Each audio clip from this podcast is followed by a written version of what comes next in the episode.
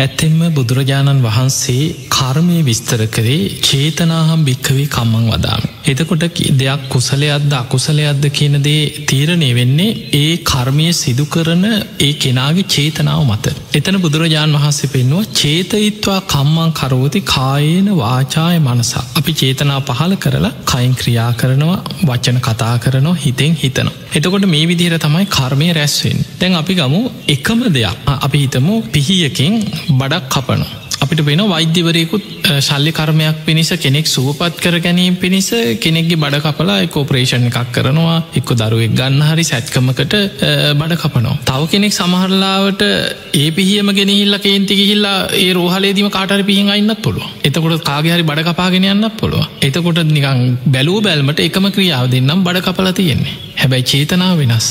කෙනෙකුට තියෙන වෛර චේතනාවක් මත පලිගන්න කෙනෙකුට අනතුරක් කරන්න නං ඒ දේ කරේ ඒක අකුසල විපාකයක් බවට පත්වෙනවා. ඊළඟට කෙනෙක් ඒදේම කෙනෙක්ව සුවපත් කරන්න මෛත්‍රී සාගත හිතකින් ප්‍රතිකර්මයක් පිණිස වෛද්‍යවරයෙක් ඒ දේ කරනකොට ඒකොහුට කුසලයක්. එතකොට අපිට පේනවා මේ කරන ක්‍රියාව තුළ චේතනාව තමයි වැදගත්වෙන්නේ. ඒකයි බුදුරජාණන් වහන්සේ පෙන්වේ මේ චේතනාව කර්මයක්. චේතයිත්තා කම්මං කරෝදි චේතනා පහල කරලා අපි කර්ම රැස් කරනවා. කායේන වාචාය මනසා අපේ සිතකය වචනයෙන් කර්ම රැස් කරන. හැබැයි මේ කර්ම විපාක විෂය අපිට අපේ නුවනකට වටහාගන්න පුළුවන් දෙයක් නෙමේ. අපි සාමාන්‍යයෙන් ඇයි මෙහෙම වෙන්නේ. ඇයි අච්චර පව් කරන මිනිස්වයා සාගේට ඉන්නේ. අච්චර හොඳ කරන මනුස්්‍යයාට මැයි මේ කරදර.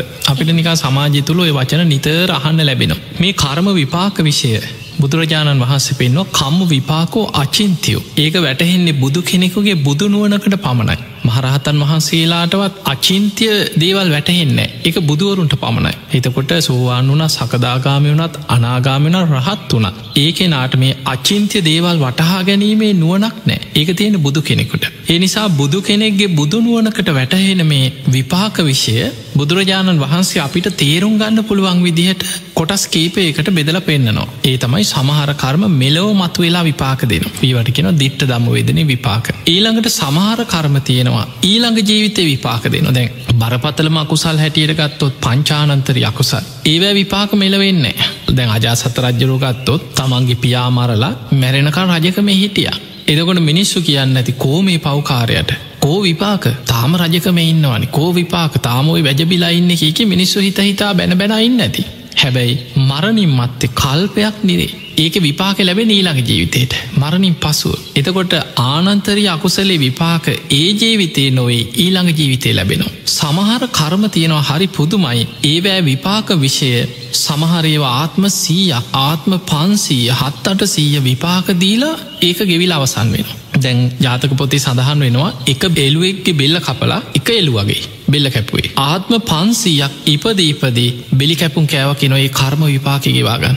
ආත්ම පන්සීයක්ම ගිහිල්ල තමයි ඒක විපාක දීල අවසන්න වනේ. එතකොට මේවා අපිට තේරුම් ගන්න බ්‍යාපේ නුවනට අපිට දැන් කියන දේ දේශනාව යාමෙහෙමනේ නම් බුදු හාදුරු මෙහෙම කිවර කතාය මෙහෙම තියෙනවා. ඒරෙන් අපේ නුවන් දැම් මේක කොහොමද සසර එන්නේ? ඒ කර්මය විපාක ඊළඟට ආයිපදුනාට පස්සේ ඒ පුද්ගලය කරා එන්නේ කොයි විදිහටද? මේක මොන තැන් අපි හිතන මේක විද්‍යාත්මක ක්‍රමයකට මේක තරංගයක් හැටියට එනවද? මේක මොන විදිහට එනවද? එහෙම අපිට අපේ නුවනකින් තේරුම් ගන්න පුළන් විෂයක් නෙමේ ඒ නිසයි අචින්තයයි කිය ඊළඟට සමහර කර්ම තියෙනවා අපරා පරිවේදනය කියල බුදුහාදුර පෙන්නවා. එක නිවන් දකිනකයි යම්තා කාලික තව කල්ප ගානක් යන්න පුළුව කල්ප සිය දහස් ගානකින් හරි එයා නිවන් අවබෝධ කරනවාද? එතෙක් හැම ආත්මිකම් විපාකදිදී විපාකදිදී යනවා. අන්තිමාත්මෙත් විපාකදී අවසන් වෙනවා. එතකොට අපිට පේනවා ඒ කර්ම විපාක දැ සමහර ඒවා ඒ හා සමාන පරිසරයක් යෙදෙනකං විපාක නොදී තියෙනවා. ඒ ඒ පරිසරයාවට පස්සේ තමයි එක විපාක දෙන්න. එක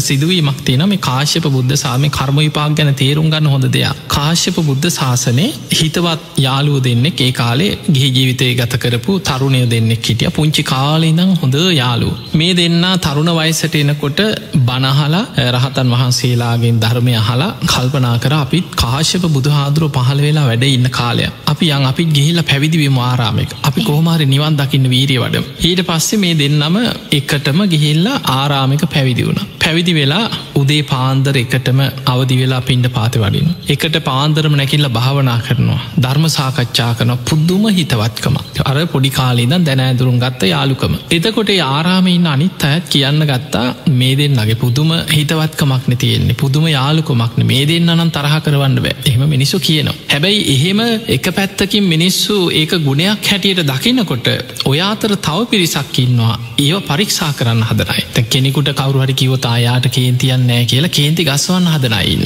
ඒක බලන්න ඕන මෙයාට ඇත්තටම කේන්තියනවද නැද්ද කියලා ඒ පරික්ෂා කල බලන්න උත්සාහ කරන පිරිසක්කින්න අපි අතර. ඒ වගේ අපිට නොපෙනෙන ලෝකෙත්තින්න. ඒ අතර දේවතාවෙක් මේ කහගෙනනිදල කල්පනා කර මේ හැම දෙවි කෙනෙම සම්මාධිට්ටිකනෑ මිත්‍යා දෘෂ්ටික දේවතාවක් කල්පනා කර මේ දෙන්නගේ මිත්‍රත්්‍ය පරික්ෂාවක් කරන්න ඕන කියලා. දවසක් පෝය කරන දවසක උන්වහන්සේලා දෙනම කැලේ මැද්දෙන් පෝය සීමාවක් තියෙන ආරාමකට එහිට තමයි භික්‍ෂූන් වහන්සේලා පෝය කර්ම කරන්න මාසකට දෙපාරක් එකතුවේ කැලේ මැද්දෙන් යනවා.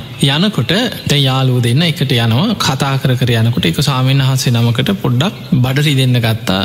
ඊට පස්සකිව යහළුව මට පොඩ්ඩක් මේ බඩරි දෙනවා වගේ මං කැලේට ටිකක් ගිහිලා එන්නම් කියෝ දැන් යාළුව වනත් එකට යන්න පුළුවන් දෙයක් නෙවේ හොඳයි මං ඉන්නම් ඔබහන්සකින් ගී වැඩේ කරගෙන එන්න කියෝ තැන් උන්වහන්සේ කැලේට ගියා. ඉතින් වතුර හොයාගෙන ඔය කටයුතුටික් කරගන්නකොට වෙලා ගිය. ඔයා අතරය අර දේවතාව මේ දෙන්න අතර සැකයක් උපද්දවන්න. මිත්‍රත්්‍ය පරීක්ෂා කරන්න මොකද කරේ? කාන්තාවක් වගේ ඡායාවක් වෙස්වලාගෙන අර භික්ෂුව කැලේට ගිය ප්‍රදේශයේ සැකහිතන විදිහ ඡායාවක් එහාට මෙහාට ගියා. මේ අනිත් භික්ෂුවට සැකයක් ඇති කල දෙන්නගේ ඇත්තටම මේ මිත්‍රත්ත කාටවත් බිඳවන් බැයිද කියලා පරීක්ෂාවක් කරන්න මේ කරේ තින් අර හාමුදුරුව එන්න වෙලා ගියා මේ ස්වාමීන් වහන්සේට සැකයක් ඇති වුණා මෙයා මේ මෙච්චර වෙලා ගත්තේ මොකක් හරි ඔය වගේ දෙයක් තමයි කියලා. ඊට පස්සේ අර ස්වාමීන් වහන්සේ ආව විතරයි ආපු ගමන් කිවත් දුස්සීලයා අද ඉඳං නුබෙයි මගේ ඇසුරක් නෑ කියව. එතකොට අර හාමුදුර ඇහවානේ ඇයි මට හෙම කියන්නේ මංමොකක්ද කරපු ඇරැද්ද මම මේ නෑනෑ කතාවක් නෑ කියව. මෙතනින් ඉවරයිකව අපි දෙන්න ගැසුර. සද්ද නැතු ආකමන්න අපි යන් කියලා. ඒවෙලේ ඕක විස්තර කරන්න ගෙන දැම් පෝය කරන්න ගිය. ගිහිල්ලා පෝය සීමාව ඇතුළේ වාඩි වෙනකොට සාමාන්‍ය සංඝයා පෝය කරනකොට ඇවැත් දෙසල පිරිසිදු වෙලා ඉස්සල්ල අහනවා මෙතන ඉන්න සියලු සංඝයා පිරිසිදුද? එහෙම අහනකොට අර ස්වාමීන් වහන්සේ කිව්වා මෙතන මගේ යාළුව වෙන්න පුළුවන්. පුංචි කාලීතන් දන්න කෙනා. හැබැයි මෙතන මෙයාගේ මේ වගේ වැරද්දක් මන් දැක්කා. මට මෙයා ගැන විශවාස නෑමයා සංඝයාට අයිති නෑ කියෝ මෙයා මෙතනින් එලියට දානක පොයිසීමාවේ. එහෙම කියනකොට අර දේවතාවත් ඇතිකත් අහෝ මංකරපු අකුසලේ. මං මේ මිත්‍රත්ත පරීක්ෂා කරන්න ගේලා මම විශාල අකුසලයක් නේද කරගත්තේ. එහෙම තැතිකත්ත වෙලාවෙ පෙනී හිටිය. අර පෝයි සීමාවම සංඝ්‍යාතර පෙනී හිටිය. පෙනේදලා කිව්ව මමයි ඒ දේකරේ අනේ මට සමාවෙන්න කිව. සංඝයායක පිළිගත්තා උන්න ඔක්කොම පෝය කරා හැබැයි අර වචනේ තැන් පුංචි කාලේ දං අදුරගෙන එකට හිතවත්කමෙන් ඉඳලා එකට පැවිදි වෙලා එකට බණභාවනා කරලා මෙයා මට මෙහෙම කිව්ව මාව සැක කරා කියලා. ඒ වචනින් ඒ ඇතිච්ච හිත් බිඳීම ආයි හදන්න බැරිවුණ. පෝය කරලා දෙන්න දෙපැත්තකට බෙදිලගිය ආයිමුණ ගැහුන්නෑ දෙන්න ආරාම දෙක බණ භාවනා කරලා රහත් වුණ. අර දේවතාව මරණින් මත්තේ අපායට වැටුණ. අකුසල් ගෙවලා අපේ බුදුහාන්දුරුව පහළ වෙනකොට මනුස්සලෝක ඉපදුනා බෝම ධනවත් පවුලක කුමාරෙක් වෙලා ඉපදුනා. තරුණ වයසටාවා කිසි ප්‍රශ්නයක් නෑ අරාකුසලේ මතුවන්නෑ හොඳට බොහොම ලස්සන තරුණ කුමාරේ බොහොම ධනය තියෙනවා සැප සම්පත් තියෙන බොහෝම ධනවත් ප්‍රභූ පවුලක ඉපදුන. විවාහ වුණා තරුණ වයසේදී තවත් බොහෝම ධනවත් පවුලක කාන්තාවක් එක විවාහ වුණා දැ විවාහ ජීවිතෙත් බොහෝම ආදරෙන් ජීවත්වෙනවා තාම කිසි ප්‍රශ්නයක් නෑ. ඔය අතර අපේ බුදුහාදුරන්ගෙන් බණක් අහන්ඩ ලැබුණ මේ තරුණයට. බනහල හිතුව මේ සසර භයානකයි මං පැවිදි වෙන. එහෙම හිතලා අම්ම තාත්තගෙන තවසර ගත්තා. බිරිඳ මුලින් අකමැති වුණත් පස්සෙ කැමති වුණා. දැන් පැවිදි වෙන්නන් ලොකු හරදරයක් ආවෙන හැමෝගෙන් අවසරරගේ සතුටෙන් ගිහිල්ල පැවිදි වුණා. සිවුර දාගත්ත දවසඉදං අර කර්ම විපාකි පස්සෙන්හා උන්වහන්සේ යන යන තැන ගෑනීක් පස්සෙන් නෝගේ පේනවා. පිඩ පාතිගියත් කාන්තාවක් ඇගේ දැවටි දැවටි ළඟින් පස්සෙන් එනවාගේ පේන ගත්ත මිනිස්සු. ඡායාවක් පේනවා. උන්හන්සේ කුටියක හිටියොත් කාන්තාවක් එහාට මෙහාට මේ කුටිය යනවාගේ ඡායාවල් මිනිස්සුන්ට පේනවා. නින්දා පහස පින්ඩ පාතිකයත් මිනිස්සු බනිනවා නින්දා කරනවා දුස්සීලයා කියනවා. බොහොම සිල්වත් හාමුදුර කෙනෙ බුදුරජාණන් වහසිළඟට ගිහින්කි වනේ ස්වාමිනි භාකතුන් වහසම බොහොම සිල්වත්. මම දිව්‍යාංගනාවක් වගේ දේවී අතහැරලා සැප සම්පත් අතහැරලා සිටුකං මේ තිබ්බ දහන් ධනදහාන්‍ය කෝටි ගන වස්තු අතහැල්ලම පැවිදි වුණේ. සාමීනි මට බොහෝ නින්ද අපහසෙනවා මන් නොකළ වැරදිවලට මිනිස්සු මට මෙහෙම චෝදනා කරනවා කිය බුදුරජාණන් වහන්සේ වදල භික්ෂුව ඔබම සසරේ වපුරපු දෙයක් මේ.